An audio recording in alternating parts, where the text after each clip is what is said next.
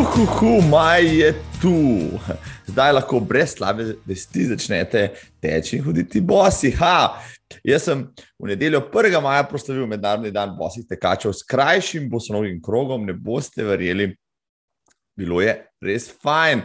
Resno razmišljam, da bi letos kako tekaško preditev odtekel bos, da spet obudim stare feelinge, pa da raztegnem svoje krake na kakšnem fletnem asfaltu. Um, enkrat barefoot, vedno barefoot minimalist. No, dobrodošli, to je 94. epizoda podcasta za gre za tek, še ena zvezdica več, ko hitimo k prvi stotki. To nameravam doseči še pred letošnjo, kot kaže, zadnjo 16. nočno desetko na Bledu, ki bo na praznik 25. junija. Ja, takrat bomo dali piko na IT izjemni dirki. Če še niste prijavljeni, limit 1500 tekačev še ni dosežen. Dobrodošli. Če smo že pri stotkah, evo, um, se spomnite, ko smo leta nazaj spremljali poskus Hokinega, Jima Womslija, ki je napadal svetovni rekord na 100 km in mu je zmanjkalo borih 11 sekund. No, to je sedaj popravil nevrjetni litvanec Sanja Sorokin, ki je v Angliji pred kratkim na stezi na velškem Centurion Track 100 stotkov tekel v šestih urah in petih minutah. Znamko, svetovno znamko je popravil za skoraj 4 minute in veste, kakšen tempo je imel poprečno? 3 minute 39 sekund na kilometr, 100 km. Javza! No, ko sem se pa zadnjič oglašal v posebni epizodi, sem se ravno odpravil na še eno ultra preditev pri nas, primerno 124 v Koper. No, in ni mi bilo žal, poleg super organizacije, prve izvedbe eventa je sam organizator Nori Luka eh, Videtič lastonožno postavil še nov državni rekord, tokrat na 24 ur. Mrav letov rekord je padel, nova znamka znaša 257 km. Noro, bravo, Luka. By the way, ultraši so pretekli vikend uh, tekli spet na ultrabalatonu na Mačarskem. Uh, Luka je že odstopil, odlično pa se je nastopila Domen Kozje, ki je bil peti, in Mirko Miklič, ki je bil deveti. Uspešno so do cilja prišli še Uroš Kušir, Boris Sihrle in Alma Richterič. Čestitke. Kaj pa atletski logi doma in po svetu, ja, v Krosu so se uh, slab mesec nazaj pomerili na kratki in dolgi progi. Uh, državno prvenstvo na krajši stvari dobil Jan Kokal, na daljšo pa, daljšo pa Vid Botulin, ki je zmagal tudi med mlajšimi člani. Članski naslov je pripadal Simonu Navodniku. Na stezi je državni naslov na 10.000 metrov spet vzel Mitja Krevs pred Domnom Dornikom in Blažom Orešnikom. Uh, Janez Mulej, državni prvak v maratonu, je bil četrti. Špela Gonza je postala državna prvakinja v najdaljši disciplini na stezi med ženskami. Državni prvak v gorskem teku, disciplina Gordol, je seveda kdo drug kot Timotej Bečan, pred uh, Španijom in veteranom Cvetom, pri dekletih pa tri resna deteljica, najprej Mojca Koligar, potem Varineja Drašler in tretja Martina Potrč. Pri mladilcih je še eno luriko več pobral nevrjetni tekač, v vseh disciplinah letos kraljuje Maj Pritržnik. No, za rekreativce je bil zanimiv ponovno istrski maraton uh, v aprilu, ki je pritegnil 2000 tekačev na vseh razdaljah in upam, prinesel pomlad tudi na rekreativno tekaško sceno.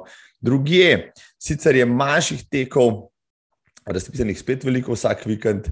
Uh, po koronsko vzdušje se počasi dviga. No, ta vikend se vidimo na Wings for Life v Ljubljani, na vrsti bo tudi Vipava uh, Ultra Trail, na več razdaljah, tedni kasneje lahko tečete na malem maratonu v Cerknici, na Live Step Up, teku na Kristalno palačo.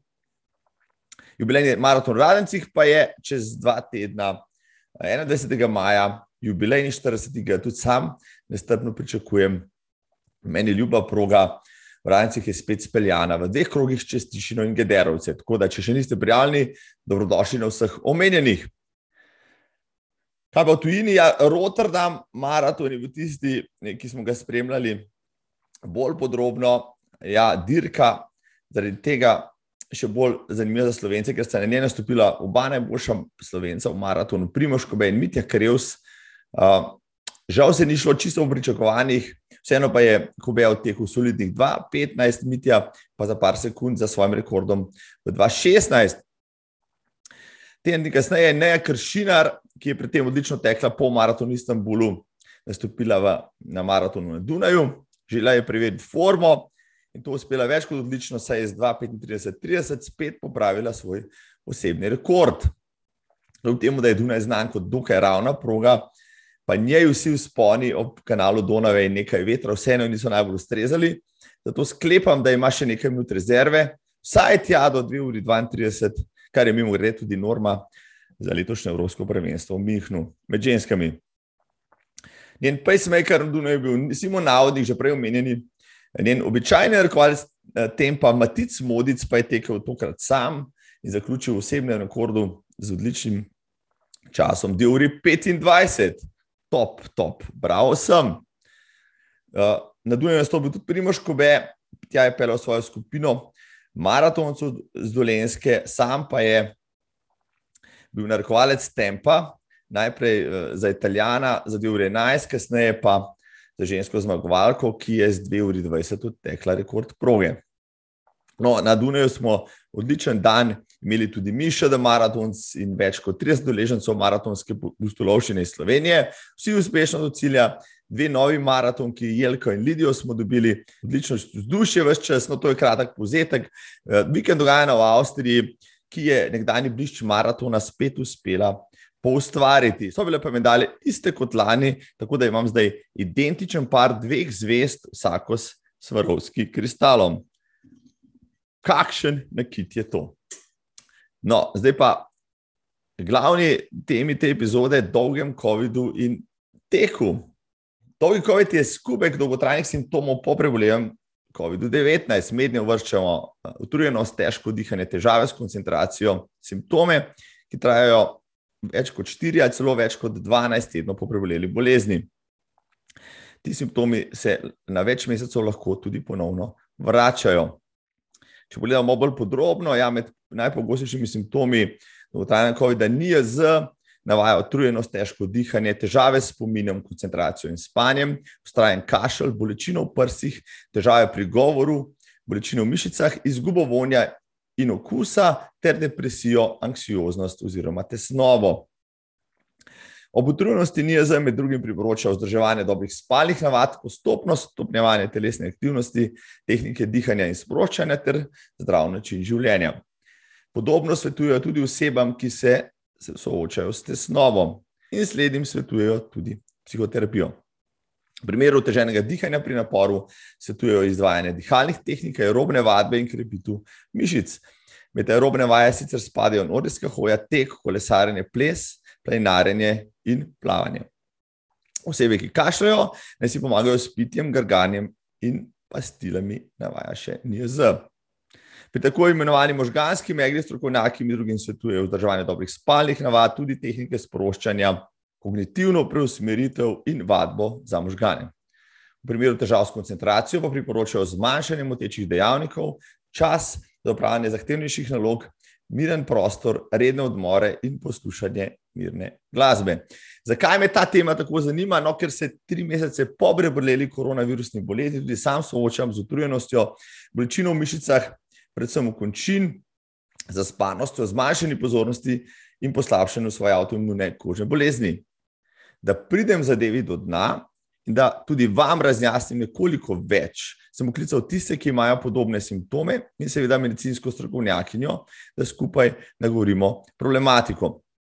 Z mano boste tako rekreativna tekača Metka Tratnik in Lukas Mrkol, ter že stara znanka podcasta, z njo so lansko leto tudi govorila o teku in koroni, koronavirusu, predstojnica Inštituta za medicino športa, dr. Petra Zubet. Najprej velenje, ker se mi bo podružila Medka Tratnik, rekreativna tekačica in trenna vdušenka. Medka Tratnik, živijo, pozdrav velenje. Čau, Marko. Čau, živ, živ. Uh, evo, tema, o kateri se bomo danes pogovarjali, je tudi vezana, povezana s tekom, jasno. Ne? Uh, predvsem yep. s tem, kako negativno vpliva na, na, na tek, na tvoj in tudi moj. Um, ampak preden se pogovarjava, začnemo pogovarjati o koroni, o COVID-u, mi povej, me pač zanima, koliko časa si tekačica, koliko tečeš, kje tečeš, da dobimo malo sliko o tem, uh, kakšen tekaški staž imaš za sabo. Tako resna, resna, recimo malo bolj resna tekačica. Sem, rečemo, da dobro leto. Prej sem itak tekla po cesti, tako kot ponavadi, um, marsikdo začne. Mhm. Pa so se rodili otroci, pa malo pozabiš, pa se ukvarjaš s kakim drugim športom. Uh, zdaj sem pa, po večinoma me, me najdeš na, na stezicah, pa v, v gozdu. No? Tako. Uh -huh, uh -huh. Uh, pretečem, pretečem pa med, med, med, med 40 in 80 na, na, na teden. No. Sem pridna. No, to pa ni več hec, nisi nedeljska tekačica, si kar resna trelašica. Evo, in in uh, najbrž tudi v zagonu, pred letošnjo sezono, in potem, evo, korona, COVID. Kdaj si ga, kdaj si pobrala ta nesrečni virus? Uh, ja, sem imela bližnje sreče na začetku februarja. Um, sicer še pred sezono, kar me je v bistvu po eni strani celo razveselilo, da me je ujagel še, še uh, ob pravem času, da, da malo nabereš nazaj kondicijo, preden se uh, ta, prava, uh, ta prave tekme začnejo. Um, tako da, ja, februar je bil. No, in kako je pri tebi izgledala ta bolezen? Si imela ki tipične simptome pač tega virusnega obolenja, koliko časa je vse skupaj trajalo? Uh, praktično sem čist uh, iz uh, naključja naredila uh, test. Um, tako da je v bistvu bila je sobota, ko smo še zdaj borem odtekla Martinovo pot, to je 25 km. Um, nisem se počutila čista prava. Um, nisem imela nobenih simptomov še takrat. Naslednji dan, v nedeljo, nor muskel fiber. Takega muskel fibra jaz, po mojem, nisem imela boa, leta, res tako leta, komaj sem šla po stopnicah. In potem jaz v ponedeljek mislim, da sem naredila test, pozitivna, nobejka simptoma. No, potem pa ne vem, ali je psiha naredila simptome, ali so dejansko prišli. Um, nič posebnega, tri dni sem se počutila malo bolj utrujena, um, veliko sem kihala, teklo mi je z nosa, tako um, kot bi imela neko alergijo na hod. Um, nič posebnega. No? Tako da sem v bistvu kljub temu, da sem mogla biti doma, sem malo pač potrenirala z težmi, pa sem rekla, evo, mogoče je zdaj, tle je zdaj priložnost, da uh, naredim še kako vajo doma, ne da samo tečem. In tako da sem trenirala, pač nekaj hitre sem delala doma in to. In že takrat sem vmes uh, v bistvu opažala, da um, sem imela ful povišen utrip. No? Um, zelo hitro sem se utrudila, ampak dobro, tistih 20 minut sem naredila, ker pač tisti, ko smo taki malo bolj res tekači, pa veš, da moraš migati neprestano, ker te pač tista notranja, notranji motor te vleče, da pač moraš delati. In jaz sem tudi med korono pač migala doma. Uh, in že takrat sem pač opažala, da nisem čista prava. Mhm. No, Uh, vsi smo dali skozi marsikajšno neko gripo, pa virozo in tako naprej. Ja, sej, uh, že stara modrost pravi, da med uh, vročino ni pametno laufati zaradi bolenja srčne mišice ali kaj podobnega. No, tega se mhm. recimo vsi držimo. Ampak ponavadi po tipični, tipični neki virozi si teden, deset dni, potem se spravaš ven, prva dva teka sta malo zoprna, potem si pa nazaj. Kako je pa pri tebi zdelo po koroni? Kdaj si šla pravzaprav sploh prvič teč? Ja, um, v bistvu sem šla teč takoj, sedem, takoj sedmi, v bistvu dan, ker, ko sem zaključila z, z uh, izolacijo. Šla sem tis, po test, da lahko jo prečasno zaključim, in sem bila negativna, tako da sem tako s tistim potrdilom tekla domov, copate gor in sem šla. Um, in tako sem imela občutek, da mi gre dobro, dokler dejansko nisem pogledala na, na, na uro in tako vidim, ne vem. Karikiram, tempo 7, 50, pa 170 utripa. Kaj no. je to? In sem mogla zmanjšati. In sem dejansko imela sem občutek, da pol delam, ampak nikamor ni šlo. Um, tako kot da bi se mi tle gor nekdo usedel ali pa od zadaj in ga ne prestano heblaš. Ni, ni, ni steklo in to je trajalo. Res, tri tedne ni šlo nikamor, nikamor, nikamor. Pet km, šest km, to je bilo to, to je bilo to. To je bil plafon, res, ni, ni, ni šlo, hrib, ni govora, res, čisto počasna hoja, noro utrujena, uh, muskel fibri, um, zelo težko, zelo težko. No, glede na to, da so se ti čudni simptomi vlekli po tem tedne in tedne, si morda se posvetovala s kakšnim zdravnikom, morda šla preveriti, ne vem, proti telesa, kaj drugega. Uh, mislim, posvetovala sem se s svojo zdravnico, um, ker testov nisem delala, mi je pa sama rekla, pač naj se umirim, naj nadaljujem počasi, mogoče raje uh, hitro hojo kot pa tek. Uh, priznam, da je nisem najbolj poslušala, um, ampak uh, poča, počasi je šlo na boljšno. Je šlo, je šlo. Uh mhm. Ampak res um, je bilo pa obilo slabe volje. Imela sem ful močno voljo in vsakeč, ko sem se spravila, sem bila ful vesela, da danes pa bo boljš, danes pa bo boljš. In potem včasih prihajala ful slabe, slabe volje domov nazaj, ker pač nisem, nisem, sem si ful želela dati več od sebe, pa enostavno ni šlo. Omenila si pač te fizične simptome, si imela tudi kakšne druge, moče eh, mentalne simptome, nekateri pri dolgem COVID-u poročajo o raztresenju. Megle v glavi. Ja, megle v glavi. Recimo, ja, te, ja, si si ja. zaznala tudi te simptome? Ja, tudi. tudi. Sicer tisto ni trajalo zdaj, da bi rekla, da bi še tudi zdaj recimo čutila to ne, ampak eh, dejansko sem ful težko sem zalaufala v službi, ker imam malo bolj miselno delo.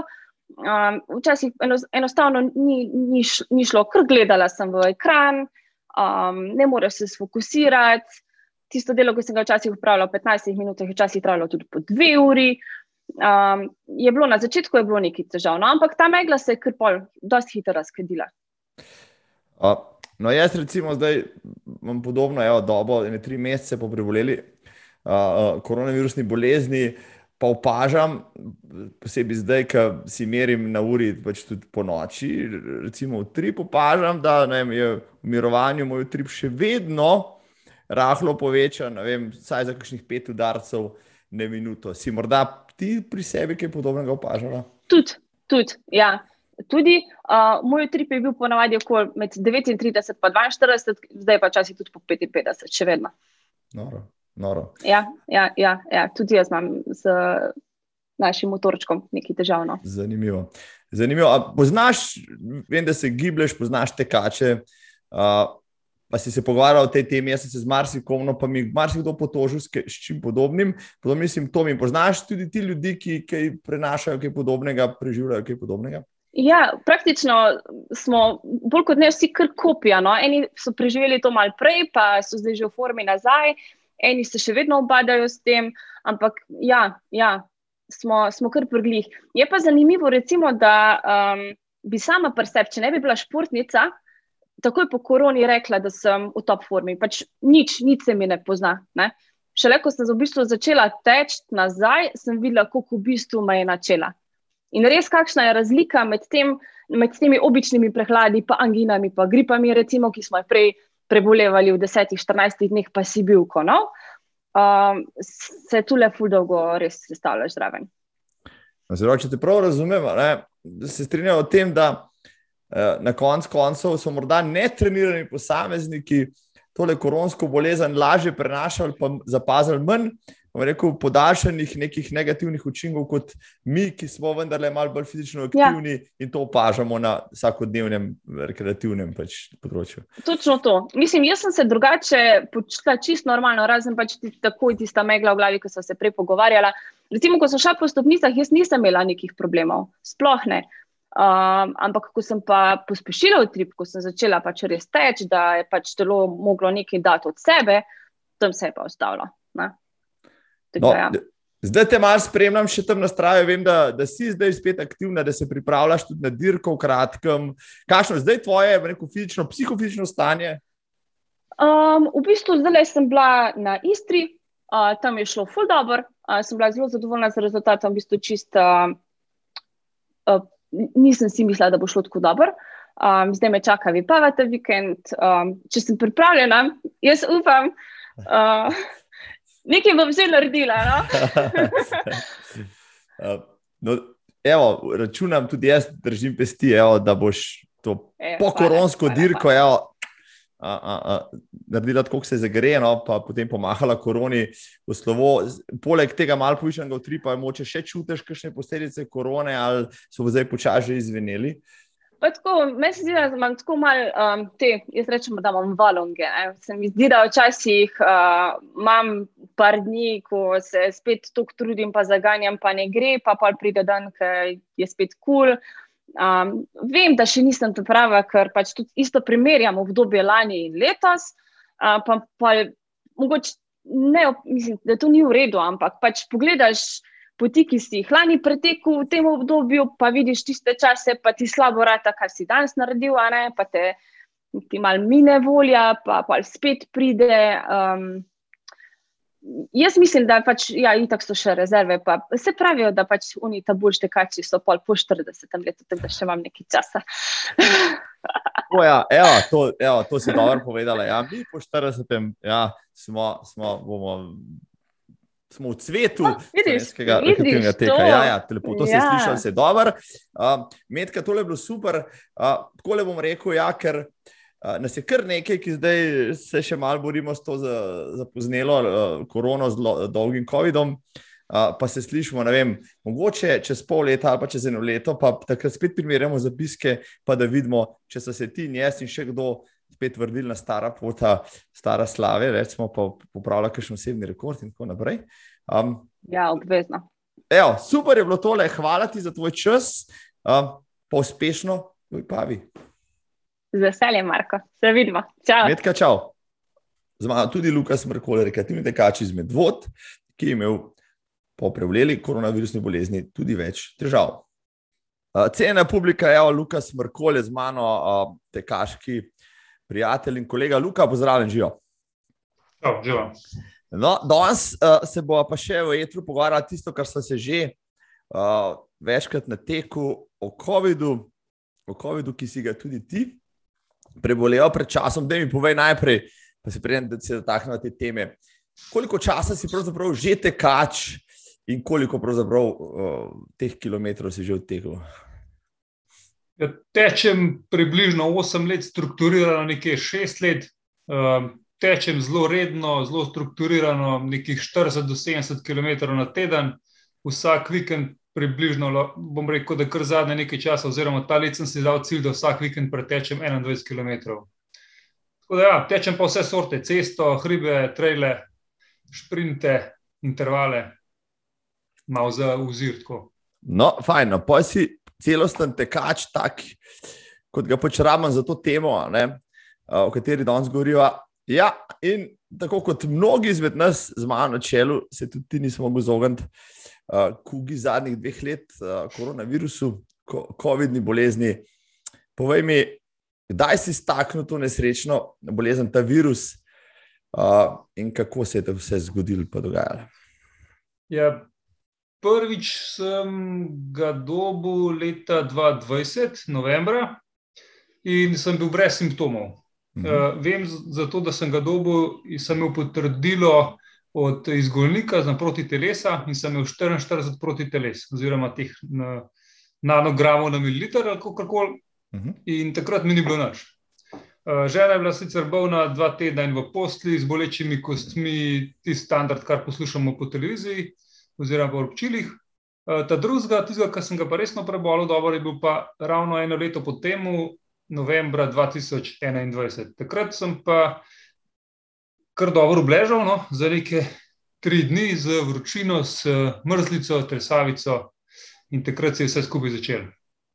Uh, ok, se pravi, standardni znaki, tudi jaz sem imel podobne. Koliko časa je trajala ta akutna faza bolezni? En teden, deset dni več? Tri, tri dni, točno tri dni. Uh -huh. um, vročina je narasla sred popoldneva, začel me je trest, zmeril temperaturo, ni bila nad 39, nikoli. Um, po prijetju lekadola je temperatura padla za nekaj 3-4 ure, potem pa spet se zvišala. Tako da sem lekadola kar ne, na 5-6 ur jedel, ker veš, da jih ne bi smel, ampak sem jih kar mogel. No. Um, hkrati se je pojavljali te simptomi, ko smo vprašali, um, akutni so bili, um, kašla ni bilo. No? To, kar doskrat slišim, tudi kašla se sploh v času tega prebolevanja nisem imel. To se je kasneje pojavilo. No? Bolj kot ne. No, evo, zanimivo. No, sej, ker si praviš, da si reden tekač, vedno tečeš. Pa vedno se nam pravi, da med virozo pač ni pametno in teč, ne br tudi tokrat se ti ni, ne brž eh, tudi ne pasal tekati. Pa vendar, le, koliko časa pravzaprav si si rekel, da pa ne bom tekel? Malo sem poslušal podcast Zagred za tek, ko je gospa Zupetova govorila, uh, kaj je pametno za tiste športnike, ki jih kar ne moš ustaviti, ne? kaj je za tiste priporočljivo. In sem se držal tega, oziroma se ti že telo samo povedalo, ne glede na to, da smo tako zagrizeni za tekane, da je treba malo več časa počakati. Um, po dveh tednih, oziroma dva tedna po prebolelosti, niti nisem imel neke velike želje. Nobenih sicer nekih znakov utrujenih mišic ali tega nisem imel, se je pa pojavljati začel takoj po prebolelosti kašelj, ki je bil pa suh, pa neproduktiven. Um, Kot sem omenil, neka motivacija za te, ki je padla, saj dva tedna, nisem imel niti želje stopiti nekam ven, pa se je steč. Um, te daljše, ko si me vprašal za simptome. Kasnejši so postali tisti, da so mi začele roke pa noge zebiti, se pravi prsti na rokah, prsti na nogah, pa nos sem imel konstantno leden, poleg kašla. To opažam veliko spremembo. Uh, no, zdaj ko si šel prvič teč, daj po prebolelosti si v bistvu prvič obute kaške copate in se zapodovan. Če se dobro spomnim, mislim, da je 3 do 4 tedne nekaj takega, no? Da me je kar manjkalo. No, in po ko si šel, no, rekel si, imel si neke simptome, ki si jih dobil, že tako splošno zdravstvene.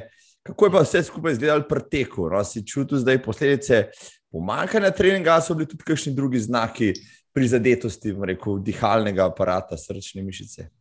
Ja, to smo govorili takrat, okoli vrda, ko so tekla. Uh, ravnino nisem čutil nekih velikih sprememb, bom rekel, do tem poteka, zelo srednje hitrega teka.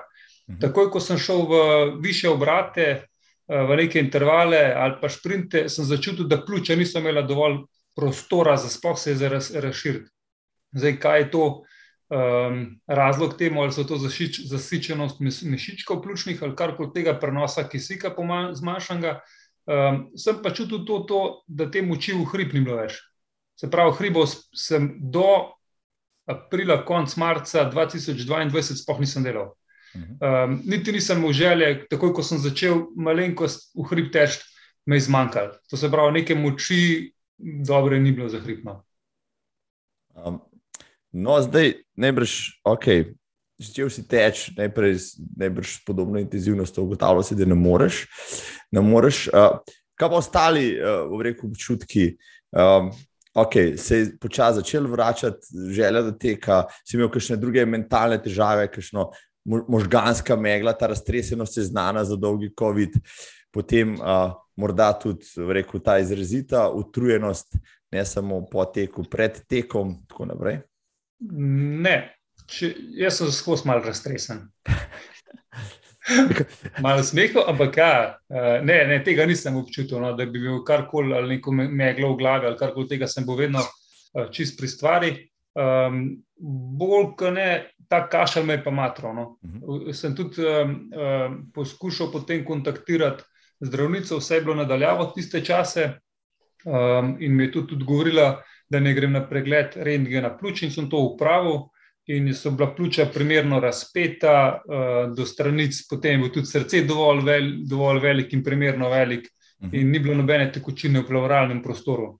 Um, na kar sem po dveh tednih, to je bilo še, mislim, da je bilo že dva meseca po COVID-u, to je bilo že januarja, sem ji še enkrat pisal, potem, da je še vedno ni kašelj popustil in rekla, da je to lahko ta long COVID in da bojo znaki lahko še dalj časa. No, kar, na kar še vedno ni popustili, sem jih spet pisal, pa mi je predpisala tablete za želodec, ker se večkrat pojavljajo kašli tudi zaradi neke kisline ali karkoli nekaj povezavi z želodcem, ampak tudi po imanju tega ni bilo dobro, še vedno ne.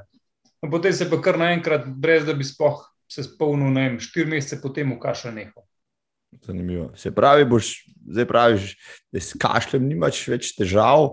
Imaš morda še kakšne druge uh, težave, ki se ti, so se ti pojavile na novo, pa jih bi lahko pripisoval tudi long COVID-u? Ja, slab štečen, so to lahko tudi starost. Ampak ja, um, ja, še vedno mi pa ostajajo mrzle roke, mrzle noge. In celo to lahko rečem, da se po treh kilometrih šele teka, šele ugrejem. Mi, in celo v rokavicah sem tekel, ne vem, še pred ne, mesec nazaj, se še kar nisem mogel ugreti. Zdaj, lahko je to razlog, ne vem. Je pa to seveda uh, drugače od prej, pred novembrom 2021. No, zdaj, ja, si, bom rekel, da jaz imam podobne težave. No, si nam rekel, da sem v izmeri ali pa kadarkoli imel tople končine, ampak morda imaš prav, ki je podoben, ga opažam, ja, da, da me res zebe. Še eno stvar sem sam opazil, recimo po treh mesecih mi v tri pomirovanju, posebej med spanjem, sem ga zdaj malo spremljal, dejansko. Uh, Je višji, kot je bil prej, zdaj za kakšnih pet udarcev, v mirovanju si morda ti zapazil, kakšen podoben simptom. Uh, No, o tem sem hotel spregovoriti tukaj, uh, ampak eh, ne ravno obratno, kot ti opažaš. Jaz imam uh, merilnik srčnega utripa na uri, tako kot verjetno vsi, uh mhm, -huh. Mhm. in mi po noči zdaj zadnjih en mesec ura sporoča, da je utrip prenizek in mi pade tudi na 36, 35 utripov po noč in mi, me zbudi ura, ker imam naštaljeno na 40 utripov, da je to neka minimalna meja in se zbudim in zaspim nazaj, in spet pade pod 35. Tako da, ja, mogoče je pa tudi le kakšna povezava, ne vem. Mogoče bi bilo dobro, kaj obiskati koga. Mislim, ja, evo, vidiš, prej si imel doktor Zupetovo, tudi v tej oddaji, tako za tavo jo imam kot gostjo in spregovorila boja tudi o temi, ki je bila zelo pogosto omenjena uh, pri dolgotrajnem COVID-u, to je so miokarditisi, se pravi, uh, uh, srčna mišica, netje srčne mišice. Tako je. tako je srčno opuščanje, ki je posledica COVID-a, ki je bilo eno od prvih simptomov, ki so ga preučevali pri to vrstni bolezni. Zdaj, koliko časa potem praviš, da si rabil, recimo, da si se praktično, rekel, spet nazaj v psihofizično stanje vrnil, kot si bil, kakršen si bil pred novembrom 2021? Ja, prav pogled sem šel, ko si me to sprašal, enkrat si me celo ustavil okoli brda, ko sem tekel še to kransko zimsko tekaško ligo, pa si me vprašal, koliko pa teče, sem tekel takrat štir, mislim, da 18 tisti segment, ampak da več 4-35 celoten krok, um, kar je 4 minute slabš, pa sem šel na polno, sred zime, tako kot ostala leta, ampak sem šel 4 minute slabš ali pa 3,5 minute slabš kot prej. Tako da ja, se je poznalo to zelo močno, že še en mesec po prebolevnosti, oziroma bilo mesec in pol. Um, da bi, sem prišel pa na isto točko treniranosti in pa pripravljenosti, bilo pa nekje dva meseca. Uh -huh, uh -huh. Uh, ja, no, vse uh, dolgotrajni COVID je tisti, pri katerem se simptomi vlečejo vsaj štiri, uh, še raje pa osem ali več tednov. Po preboleli bolezni, no, jaz sem zdaj tri mesece ven iz, iz, iz korone, pa se nekako še kar ne morem uh, tudi mentalno ali pa prepričati, da bi tako tekel, kot sem prej, kaj šele fizično, morda je tudi to posledica vsega skupaj. Luka, če za konec mi še povej, okay, ne brž niso edina simptomi uh, korone, s katerimi so se borila še dolgo, potem, ko je virus že mogoče zapustil na eno telo, uh, pa pustil mogoče kakšne posledice. Uh, za razliko od grip, ki so jih prebolela, je korona nekaj novega, je COVID nekaj novega, kaj pa uh, bi lahko rekel, da je poleg tvojega športnega udestovanja, COVID vplival tudi na ostale segmente tvojega življenja v tistem času, ko si se, rekel, tudi boril s tem dolgim COVID-om? Ja, se strinjam, da je drugačen. To je definitivno. Tukaj ne igra vloga treniranosti ali življenjskega stila, ker smo opazili, da je kar nekaj dobro vrhunskih treniranih športnikov zelo močno zbolel. Uh, nekateri, ki sploh niso pripravljeni, so šli mimo, kot da ni nič. Um, tako da za vsega je posamezna zgodba. Tle ne moramo enačiti, da je to za nekega tako, nekega drugače. Um, da je pa na meni spustila kakšne spremembe že v tistem času, oziroma na drugih področjih, um, pa težko rečem, da sem opazil. No. Težko rečem. Moram pa tudi to reči. No, mogoče je tudi en vpliv razlike prvega prebolevanja, pa drugega to, da sem se v času prvega precej ukvarjal z ledenimi potopi, pa z mrzlim tuširanjem. Ne, ne morem reči ali pa izključiti tega, ker takrat sem se zelo močno ukvarjal s tem, no, sem bil saden v vodi, v, v tudi v reki bližnji. Um, pa je mogoče to vplivalo no, za to manjšo um, prebolevnost ali pa manjšo stopno prebolevnosti. V ta drugi, ko sem šel testirati v bakrat na golnik za proti telesa na spaj protein, sem v prvo 44 nanogramov na mililiter, v drugo pa 1300, kar pomeni, da sem res močno prebolevala. Um, tako da težko rečemo, kaj je bil razlog, da je bilo drugo tako močno, v drugo v prvo pa tako malo. Um, ja, zanimivo. Ja. Tudi sevi so se ne boš razlikovali, čeprav ne bi s časoma. Uh, tudi te sevi bolj razvodeneli, ampak morda pa ni čisto temu. Tako je reči, uh, za konec, ja, tole korono so dala skozi, recimo, da smo zdaj odporni na njo, vsaj neki cajt. In da, kljub temu, kar si prej omenil, ne, da nismo skozi mlajša, ja, uh, da letos poleti še kakšen hiter krok okrog brda. Užgeva, jasno, ja, pa na ta način koroni pokaževa srednji prst. Evo, tako. tako. Luka, Marko, se vidimo. Hvala ti za tvoj čas, lepo zdrav, se vidimo. Hvala tebi, živijo. Čau.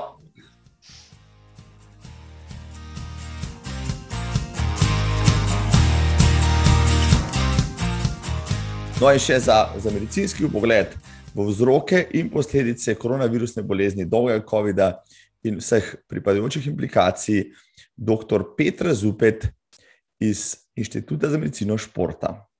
Dr. Petra Zupet iz Inštituta za medicino športa, pozdravljeni. Pozdravljeni. Uh, evo, po enem letu se spet pogovarjava, tema je zelo podobna, kot so imela takrat. Uh, korona, COVID-19. 19 in tek, eh, rekreacija, kaj pa. Zdaj bo to temo mogoče malo razširila, vendar le smo se v tem letu, kaj so govorila, bolj kot ne vsi srečali z virusom, tudi cepljeni in tako naprej. Mar se kdo od nas ima še neke simptome, ki se vlečejo uh, tudi dlje časa, ampak vseeno, da je v začetku pri osnovah, kdaj po prevolenem COVID-u je pametno spet začeti. E, ali bi, bi bilo začeti e, z redno vadbo? Ja, žal je tema res še vedno zelo aktualna. Kdaj po prebolelem COVID-u začeti za telesno vadbo, je odvisno od tega, v kakšni obliki smo bolezen prebolevali. In kadar govorimo o športnikih, načeloma govorimo nekako o štirih stopnjah prebolevanja bolezni. Prva je, da prebolevamo brez simptomov, samo z dokazano okužbo z virusom druga, da prebolevamo z blagimi simptomi, se pravi, lažje utrujenost, glavobol, kašelj, meto, grlo, nahod, slabost, bruhanje, driska in te simptomi potem v celoti izvenijo. Potem lahko prebolevamo s težjimi simptomi, kot so naprimer starajoča telesna temperatura nad 38 stopinj Celzija, potem mrzlica, huda utrujenost, pljučnica, težko dihanje, kakšna bolečina v prsih, ali pa da so ustrajajoči simptomi dlje kot 14 dni, vendar da nismo potrebovali hospitalizacije, lahko pa imamo tudi težjo obliko, uh, tako, ki potrebuje samo hospitalizacijo. Uh -huh. uh, no, za koronavirus, ki povzroča COVID-19, je zdaj že znano, da je malo netipičen, da je. Uh, uh, Uh, malo hujši kot običajni, bomo rekel, virusi, ki povzročajo tudi gripe in kaj podobnega, lahko uh, ta virus prizadene, poleg pač dihalnih poti, tudi rekel, organe, srce, možgane, služilči sistem. Lahko, ja, lahko. Um, zdaj bi bilo pametno, morda po prijednem COVID-u tudi opraviti uh, še kakšen uh, preventivni pregled pri zdravniku, recimo kakšne klinične preiskave, uh, preiskave krvi, celo kakšne nekaj ali kaj podobnega? Uh, ja, absolutno. Zato imamo tudi priporočila. Zdaj, jaz mislim, da je najbolj, da se mi osredotočava uh, na tako zelo aktivne rekreativne športnike, da ne mhm. bi govorili o tekmovalnih športnikih, Tako? pa bi se pa tudi nekako navezala na tisto prvo vprašanje, s katerim smo v bistvu odprla to najno debato, pa bi bolj konkretno pa tudi odgovorila, uh, se pravi, kaj kakšne preglede rabimo, ali jih rabimo ali ne, pa kdaj se potem lahko vračamo, ne, konkretno glede na stopno bolezni, ki smo um, pač jo prebolevali. Ne. Se pravi, tisti športniki, ki smo rekli, da niso imeli nobenih simptomov, pa imajo samo dokazano okužbo, ali pa imajo samo blage simptome COVID-19, v bistvu nobenih preiskav ne potrebujejo, dodatnih preiskav. Važno je, da vemo, da je vračanje v šport vedno postopno. In sicer mora miniti vsaj sedem dni od prenehanja zadnjih simptomov, pa najmanj deset dni od pojava prvih simptomov. In potem naj traja vsaj en teden, seveda malo odvisno tudi od tipa športa, pa od morebitnih težav med stopnjevanjem intenzivnosti treningov, da v bistvu v tem enem tednu nekako pridemo nazaj na intenzivnost, obseg, ki smo jo bili vajeni, ne.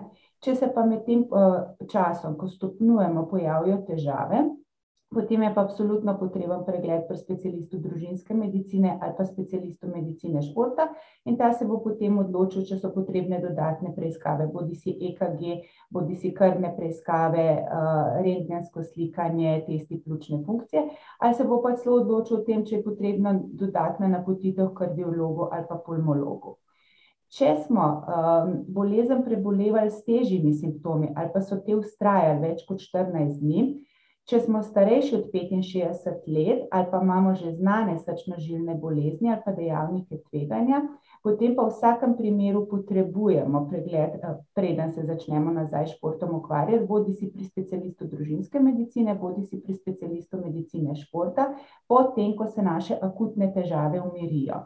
In potem se bo pač specialist, kot sem že prej rekla, odločil, katere dodatne preiskave, bomo opravili, ne, spet tukaj v poštev pride pregled krvi, dvanajstkanalni EKG, testi pljučne funkcije, rentgensko slikanje, in če so izvidi normalno, potem se spet postopno začnemo vračati v proces treniranja, to se pa ne sme začeti kot deset do štirinajst dni po umiritvi vseh simptomov in spet mora trajati teden do dva, odvisno od športa, od morebitnih težav, da se vrnemo pač nazaj, na neko, neki obseg in intenzivnost, ki smo jo vajeni, ne.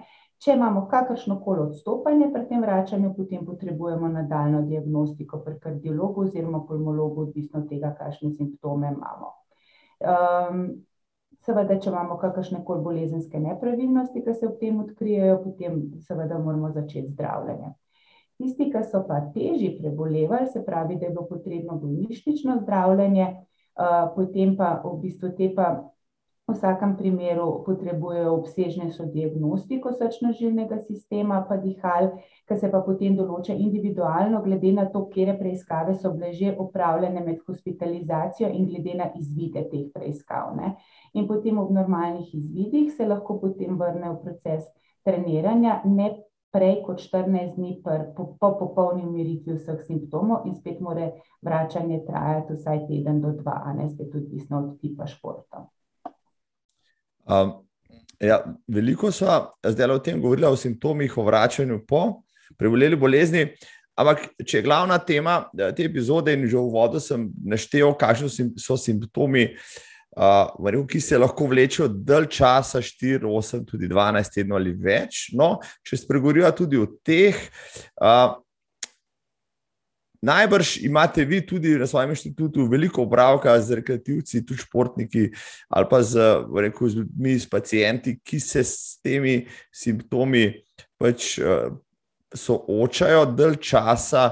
Kakšni pa so najbolj tipični recimo za nekega vadečega človeka, ki ga potem dalj časa težijo neke netipične, rekel, težave, ki bi lahko izvirale prav iz, iz, prebolele bolezni?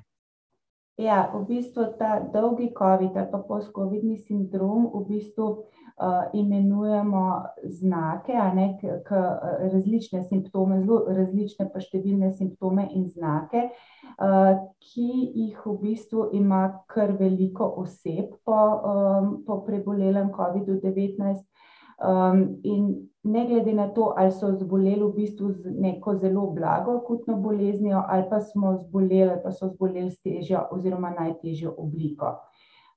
in ta, tako kot akutni covid-devetnajst lahko tudi dolgi covid prizadene številne organe in organske sisteme, ne, vključno z dihalnim, srčno-žilnim, nevrološko-psihičnim, želodčno-črevesnim in mišično-skeletnim. Običajno so pa kot težave v ospredju utrujenost, potem, težko dihanje oziroma zasoplost, zmanjšana telesna zmogljivost, recimo ogromnokrat slišimo rahlo povišana telesna temperatura, tja recimo sedemintrideset, sedemintrideset pa pol, težave s koncentracijo, potem težave pri iskanju besed, motnje spanja, mišične bolečine, glavobol in podobno. zdaj vprašanje, ki, ki se poraja tudi rekel, v sredini, kjer se jaz gibljem, pa med rekreativnimi tekači, predvsem. Kako zdaj uh, prilagoditi vadbo? Prej smo bili vajeni, recimo, malo več vaditi, zdaj nas ta dolgi COVID uh, na en način. Uh, Destimulira, da bi, da bi trenirali tako, kot prej, se ne, načeloma tudi ne moremo, ampak bi si želeli, je potrebno narediti kakšno prilagoditev, oziroma če, če nadaljujem, je lahko rekel, aktivna, intenzivna vadba, med, tudi med dolgim COVID-om, med post-COVID-nim sindromom, lahko uh, rekel, negativno vpliva na, na zdravje, ali pa na potek, ali pa na samo ozdravitev. Ja, kar je ključno sporočilo, ki ga moramo tukaj v bistvu dati, je, da moramo najprej ugotoviti, a gre to uh, za težave, uh, ki nastanejo zaradi organske patologije, se pravi za neke spremembe na pljučih ali srcu ali drugem organskem sistemu po prebolelem COVID-u, ali pa gre samo za neopredeljive simptome in znake, ne, ki pa v bistvu prizadanejo našo kakovost življenja. Um, tukaj recimo je en tak pomemben, ne, na katerega moramo pomisliti, seveda vnetje srčne mišice, miokarditis in če bi slučajno šlo za to patologijo v zadju, ki bi nam povzročala težave, je seveda to tudi treba ustrezno zdraviti. Uh, vkolikor je organska patologija izključena, potem je pa vadba sigurno zaželjena, ker nam to v bistvu dvigne kvaliteto življenja, uh, pač samega dnevnega bivanja življenja, uh, in jo pa seveda prilagajamo našemu počutju. No.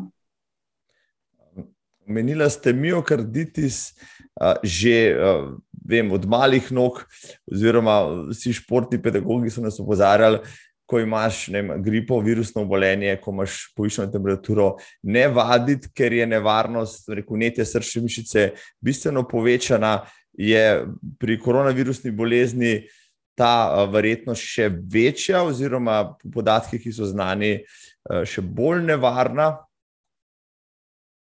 Ja, zdaj to zelo težko eno lično odgovorim, zaradi tega, ker je bolezen le še premalo časa mhm. med nami in imamo v bistvu kljub vsemu še vedno zelo skromne podatke. Najprej se v bistvu v nekaterih študijah ugotavljali, ker so v bistvu tudi gledali srčaka ne, z magnetno-resonančnim slikanjem, Eh, da ima kar nek velik odstotek mladih, recimo tekmovalnih športnikov, znake miokarditisa, govoril so vse do 15%, potem pa z nadaljnimi preiskavami tako visoke pojavnosti niso potrdili in so ugotavljali tam nekje od nič do 3%.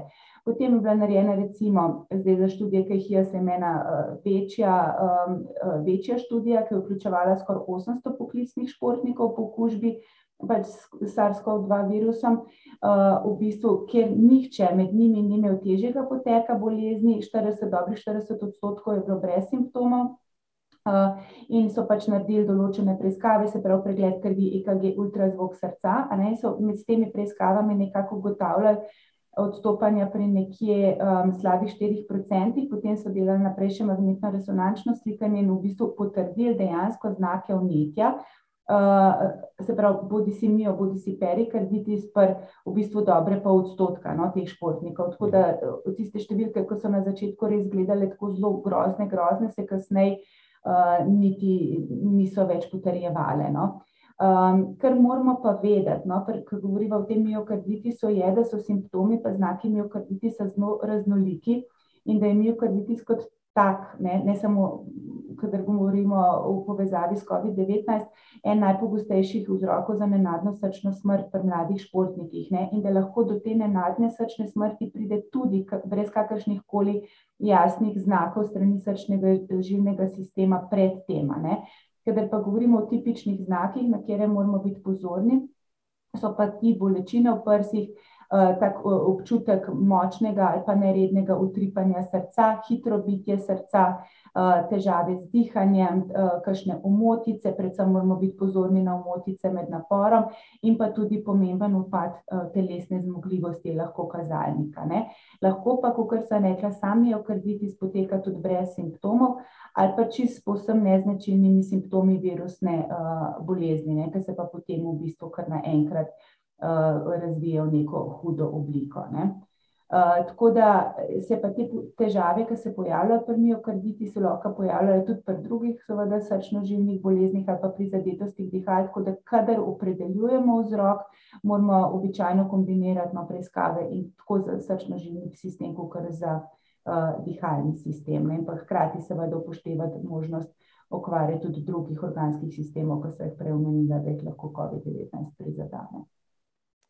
Uh, se pravi, če povzamemo, uh, rekreativni športnik, rekreativec, uh, ki je prebolel uh, COVID-19 in ima neke težave, ki se mu vlečejo, je vendarle uh, uh, pametno, da je pozoren na lete, se morda posvetuje zdravnikom, uh, posebej, kar se tiče rekel, srca in implikacij, ki se jih tičejo srčne mišice, sled tega, da bo lahko morda čim prej spet normalno vadil, oziroma se izognil kakšnim zapletom, ki bi lahko zaradi tega nastali, če bi jih recimo zanemaril.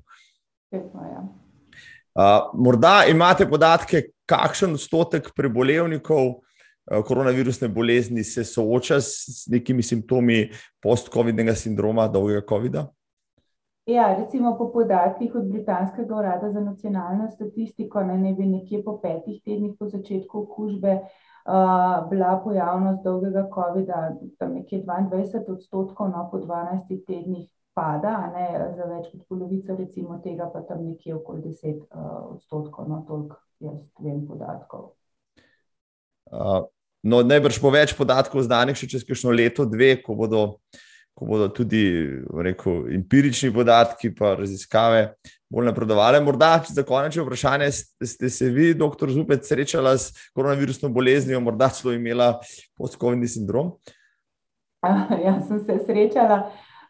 Čisto odkrito, tri dni je bilo relativno, tako so bili simptomi, dosta, kaj ne rečem, glede na to, da nisem vajena, biti polna. No uh, kar nadležni, daleč od tega, seveda, da bi bili življenjsko ogrožajoči. Moram pa reči, da imam kar srečo, no, da nekega post-covidnega sindroma pa nisem, uh, nisem um, imela občutka, da bi ga občutila. No. No, super, ker vas uh, bomo še rabili, no, ta, ta tema bo najbrž aktualna, tudi kakšna druga. Jaz sem vam na tem mestu zahvalil, mislim, da so vse povedali, no, še treba kaj dodati. Jaz mislim, da, da so ključna sporočila, kar povedala. Odlično. No, super, hvala za vaš čas, hvala za prijazno javljanje in lepo zdrav. Hvala tudi vam, ja, srečno. Dio. Ja. Hvala vsem trem gostom. Upam, da smo tudi vam, dragi poslušalci in gledalke, dragi gledalci in poslušalke, razjasnili par uh, nejasnosti glede dolgega COVID-a. Morda se tudi sami najdete v kakšnem simptomu, uh, kakšen svet, ki smo ga dali v tej epizodi ne bo odveč, sicer o problemih, o zapletih se seveda obrnite na vašega zdravnika, pa se posvetujte z njim. Vsekakor vam želim uspešen tek po koronavirusni bolezni, uspešno rekonvalescenco in da se vidimo tam zunaj. Če vas karkoli zanima, seveda napišite v komentarje, bomo vprašanja posredovali tudi ustreznim strokovnjakom, da dobimo še kakšen odgovor več. No, za konec te epizode pa še uh, film in knjiga tedna. Ja. Uh, najprej knjiga tedna, uh, najnovejše založbe, aktivni mediji, knjiga o človeku in psu.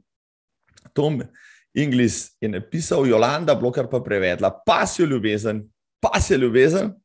Pripoveduje zgodbo o Tomovem življenju z mehko dlako, pšenično terjerko Pepe in obravnava več uh, tisočletno vez med ljudmi in psi. V njej razmišlja, zakaj si naložimo breme skrbi za te živali, ki so popolnoma odvisne od nas, ki, ki pa v naše življenje vnašajo nered, vznemirjenje, ter bodo verjetno umrle pred nami in nas pustile žalovati za seboj. Odlična knjiga za vse tiste, ki imate hišne ljubljenčke, ki imate psa, ki primešujete v odnosu uh, med živaljo in človekom, o njuni navezanosti in doprinosu, ki ga te živali prinašajo v naša vsakodnevna življenja. Pa se ljubezen, zelo pa aktivni mediji, uh, link spodaj. No, in še film tedna, bolje rečeno, kratki dokumentarec, tokrat govori o zgodbi Deva Mekija, nekdanjega odličnega ultraša pod sponzorstvom Altra in Camelbacka. 30. maja 2015 se mu je na rutinskem treningu zgodilo nepredstavljivo. na vrhu svojega znamenitega medvedjega vrha, kjer je redno treniral, se je odrinil od ogromnega balvana, kjer mu je spodrsnilo, padel je po gori, ta balvan je pristal na njem in mu zmečkal levo nogo. Po vrsti neuspešnih operacij, po letu agonije, se je odločil za amputacijo te noge pod kolenom. To je njegova zgodba o ustrajnosti, o vrnitvi v poškodbi in poskusu dokončanja dirkalne serije v Ledvilu, da bi s tem postal prvi amputiranec, ki bo postal Ledmen. Za ta teden je to vse. Hvala za vaš feedback, hvala za vaš čas, um, seveda tudi za vse donacije. Vse priporočam še naprej. Če potrebujete kako majico, si danes že tekel, si danes že tekla, uh, javte, rad pošljem, dobim pravkar novo pošiljko, sicer pa ostanete zagreti za tek, se vidimo k malu. Ja, za dober tek. On three, we're going to lift up. I went out on a routine training run up to my favorite peak. Big breath. At the top of the mountain, I, I stepped on the wrong rock, took a 60 foot fall. Unfortunately, the 300 pound boulder that I stepped on fell with me and crushed my leg.